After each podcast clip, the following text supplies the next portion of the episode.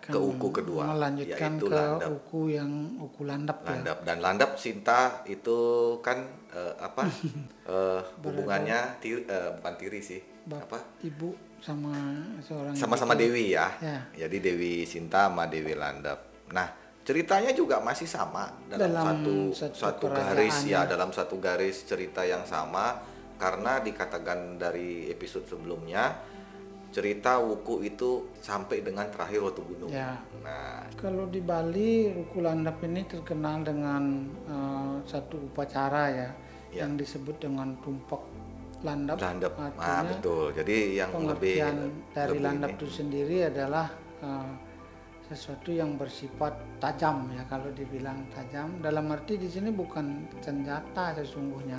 Hmm.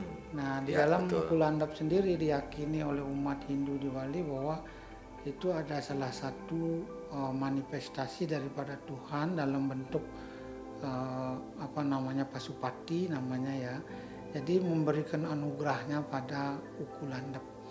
Jadi diharapkan kemampuan atau uh, ilmu seseorang atau dari segi apa namanya pendidikan seseorang bermanfaat bagi hidupnya sehingga ketajaman pikiran itu sendiri akan memberikan pengaruh eh, radika atau yang disebut dengan keberuntungan. Keberuntungan. Ya, jadi di sana di dalam kulandap biasanya kalau kita bicarakan mengenai orang-orang yang berada di bawah naungan ukulandap mulai dari hari Minggu sampai dengan hari Sabtunya, biasanya orang-orang ini akan memiliki kecerdasan yang lebih ya ketimbang yang di lain dan ketetapan pikiran yang luar biasa.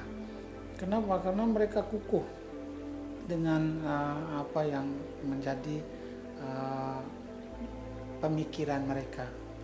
Dan kecerdasan orang-orang yang lahir pada Kulandap ini bisa menjadi biasanya perlindungan bagi iya. banyakkan orang.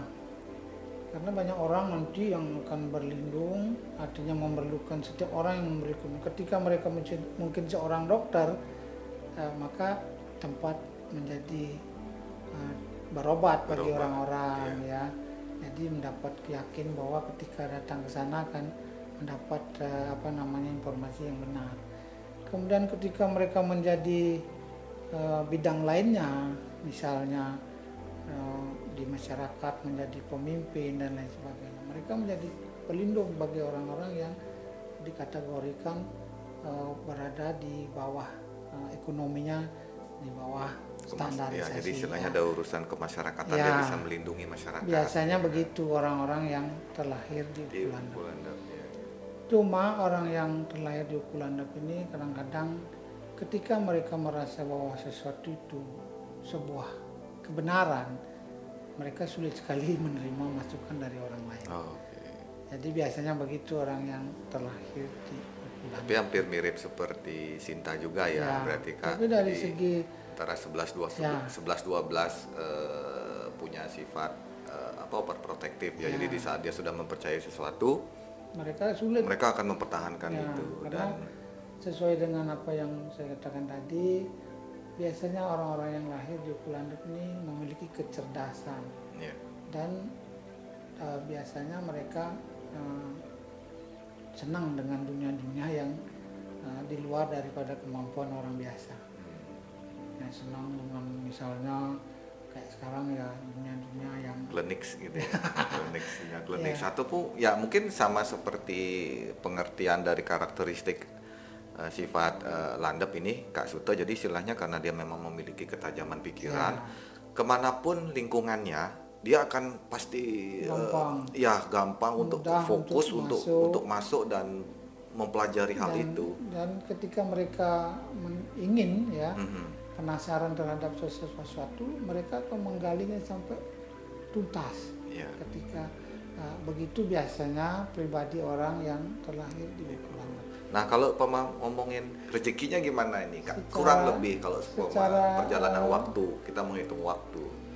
Biasanya orang yang terlahir di Ukulandap ini secara ekonomi mereka memiliki uh, fluktuasi yang cukup tinggi ya. Waduh, ketika yang memang betul-betul memili- memiliki keberuntungan baik mereka akan di atas sekali di atas sekali. Iya, tapi ketika mereka memiliki keberuntungan yang kurang bagus, mereka jauh di bawah. Akan jauh di Ya fluktuasinya tinggi kalau orang yang berada di hutan. Ini tergantung dari seperti yang saya tadi saya katakan, tergantung dari wawaran dan Wawaran, eh, eh, apa namanya Ya, paduasan. kita jangan jangan ke sana karena itu merupakan rahasia kita. Jadi para Ya. pendengar aksara satu nanti bisa berinteraksi dengan kita karena perhitungannya akan banyak. Cuma kadang-kadang kan orang berpikir tadi. ketika kita membahasakan itu, apakah semuanya akan menjadi seperti itu? Tidak. Tidak, tidak. karena semuanya kembali tidak bisa dibahasakan dari satu sisi atau dari satu sudut pandang. Mereka memiliki kalau di Bali memiliki banyak sekali sudut pandangnya. Seperti tadi wawaran itu dari 1 sampai 10, kemudian padewasan itu dari 1 sampai 15, 1 sampai 15 ya.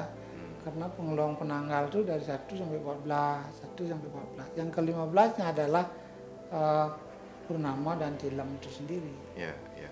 Tapi karena begini juga Kak Suto, saya pernah mencoba untuk memam- memahami hal eh, hal yang sudah dibuat oleh pendahulu kita seperti Sang jadi Prabu ya Ajisaka. se- ide Sang Prabu Ajisaka ini mencoba untuk membuat hari-harinya karena kita ke mana pergi ke timur kah Ya. cocok pergi ke selatan dan sebagainya jadi karena kita percaya hari ini adalah kita eh, ke timur Mhm. kita memberikan efek positif kita berjalan ke timur Ya.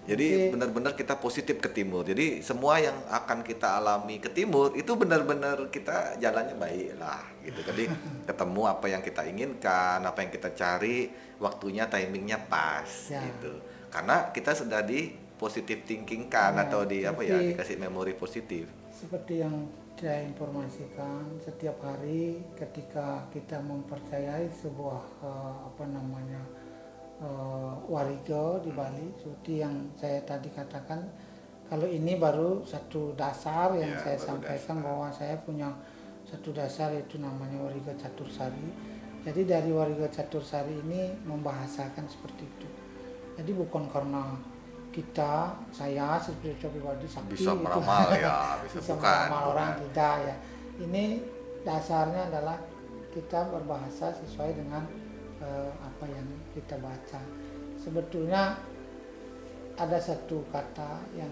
menyebutkan eh, lebih baik kita belajar wariga daripada belajar tentang eh, apa namanya eh, hal-hal yang disebut dalam ilmu keagamaan hmm, apa namanya gugontuan ya memang begini memang begitu Oh, maksudnya yang eh, sering kita gugontuan itu artinya eh, sesuatu yang selalu dijawab memang begitu. ya memang kalau begitu Kenapa kita begini? Ya memang begitu dari dulu gitu kan. Istilahnya itu namanya Ya, gugontuan ya, ya bahasa Indonesia ya. eh, eh, bukan mitos. bukan Bukan, bukan mitos. istilahnya mungkin kita berbahasa kenapa begitu ya memang begitu Ya. kenapa begini Kenapa enggak boleh duduk di apa? Kita dudukin apa kayak kita dilarang untuk duduk Kalau- di bantal ya duduk di bantal atau sumpama ada ada juga orang Jawa bilang kalau punya anak cewek gitu kan istilahnya masih bujang jangan nongkrong depan pintu tidak dapat jodoh gitu kan istilahnya sore-sore Ya. gitu kan ya itu logikanya kan sore-sore nongkrong di ya, depan karena pintu kan image-nya jelek dan nilai sebagainya mitologi atau ya mitos itu yang gugontuon ya kali ya namanya gugon pohon. Jadi kalau wariga ini memiliki nilai apa namanya eh, pendidikan yang luar biasa. Kenapa? Karena mereka bisa secara mentalitas kemudian eh, antisipasi daripada setiap persoalan mereka akan jalan keluarnya lebih pasti. Ya, oke. Jadi kembali lagi ke landep ini, Kak Sute kan. Kalau Pama tadi mungkin cukup cukup bisa menjadi garis bawah untuk para eh, yang memiliki wuku landep. Mungkin semua pendengar kalau Pama mendengarkan podcast ini kan fluktuasi ekonominya cukup cukup cukup Tinggi terasa, ya. cukup Jadi tinggi. kemudian Jadi hati-hati. Jadi dalam arti pin- ingatlah. Jadi istilahnya kan mengingat-ingat secara secara alam bawah sadar kalau kita mem- kalau uku landep itu memiliki fluktuasi ekonomi yang cukup tinggi. Jadi Jadi warning mereka adalah supaya mereka ketika berada pada tingkat grafik tertinggi eh, mereka tahu bagaimana antisipasi harus ya harus safety ya atau harus safety ya, harus kemudian tahu mana yang urgent mana yang tidak urgent dan lain sebagainya sehingga eh, harapan daripada antisipasi itu Nah, berarti se- secara ekonom ekonomi seperti ini berarti ada dong Kak nanti Ya. saya menyinggung tentang kesehatan nih karena berhubungan di saat ekonominya tinggi akhirnya diantem dengan kesehatan yang ya, ini jadi kesehatan. jatuh. Nah, kira-kira kesehatan ini gimana? Apa yang berhubungan cukup menjadi orang yang lahir pada uku landap ini adalah orang yang tidak sabaran ya jadi secara otomatis mereka bermasalah kalau dalam eh, ilmu kesehatan ketika mereka tidak bisa mengatur emosi dengan baik artinya mereka akan masalah tapi di tinggi. ya mungkin tekanan punya tekanan Ya, darah darah tinggi mungkin punya eh, jantung, dan lain Jantung. sebagainya Oh, ini oke. karena mereka ini adalah orang yang memang eh, tipikalnya tidak sabaran kalau orang yang lahir di Kulandap sendiri dan orang yang suka berpikir seperti yang saya bilang tadi di luar daripada eh, kemampuan orang biasa atau hal-hal yang berbau eh, mungkin mistis lah itu jadi makanya antisipasi ini adalah mereka harus dibawa ke dunia yang betul-betul eh, realita. Atau kalau memang belajar tentang ilmu agama ilmu agama yang tun- ya. tuntunan yang betul-betul membuat mereka belajar agama dengan benar wah Jadi- seru juga sih. jadi seperti itu kira-kira Oke, mungkin bisa eh, menyambung kembali nanti di buku-buku selanjutnya. Berarti di, di, di episode ke-6 ini kita membahas landap dan ini adalah sebuah prediksi yang sifatnya umum. Kenapa umum? Karena nanti akan banyak yang mem- banyak mempengaruhi eh, dari karakter-karakter masing-masing karena berada di apa istilahnya berpengaruh kepada wawaran terus eh, dan yang lainnya. Jadi nanti kalau sumpama para pendengar aksara satu yang memang ingin berinteraksi dengan kami bisa follow kami di Instagram ada di eh, aksara titik satu SATU ya. Jadi aksara titik satu. Jadi mungkin saja buat para pendengar yang ingin berinteraksi dengan kita boleh eh, DM kita di sana atau eh, email ke kami di media aksara1 at gmail.com. Jadi istilahnya eh, untuk saat ini episode-episode selanjutnya itu hanya masih basic dasar. Ya, kita masih lagi 28 uku.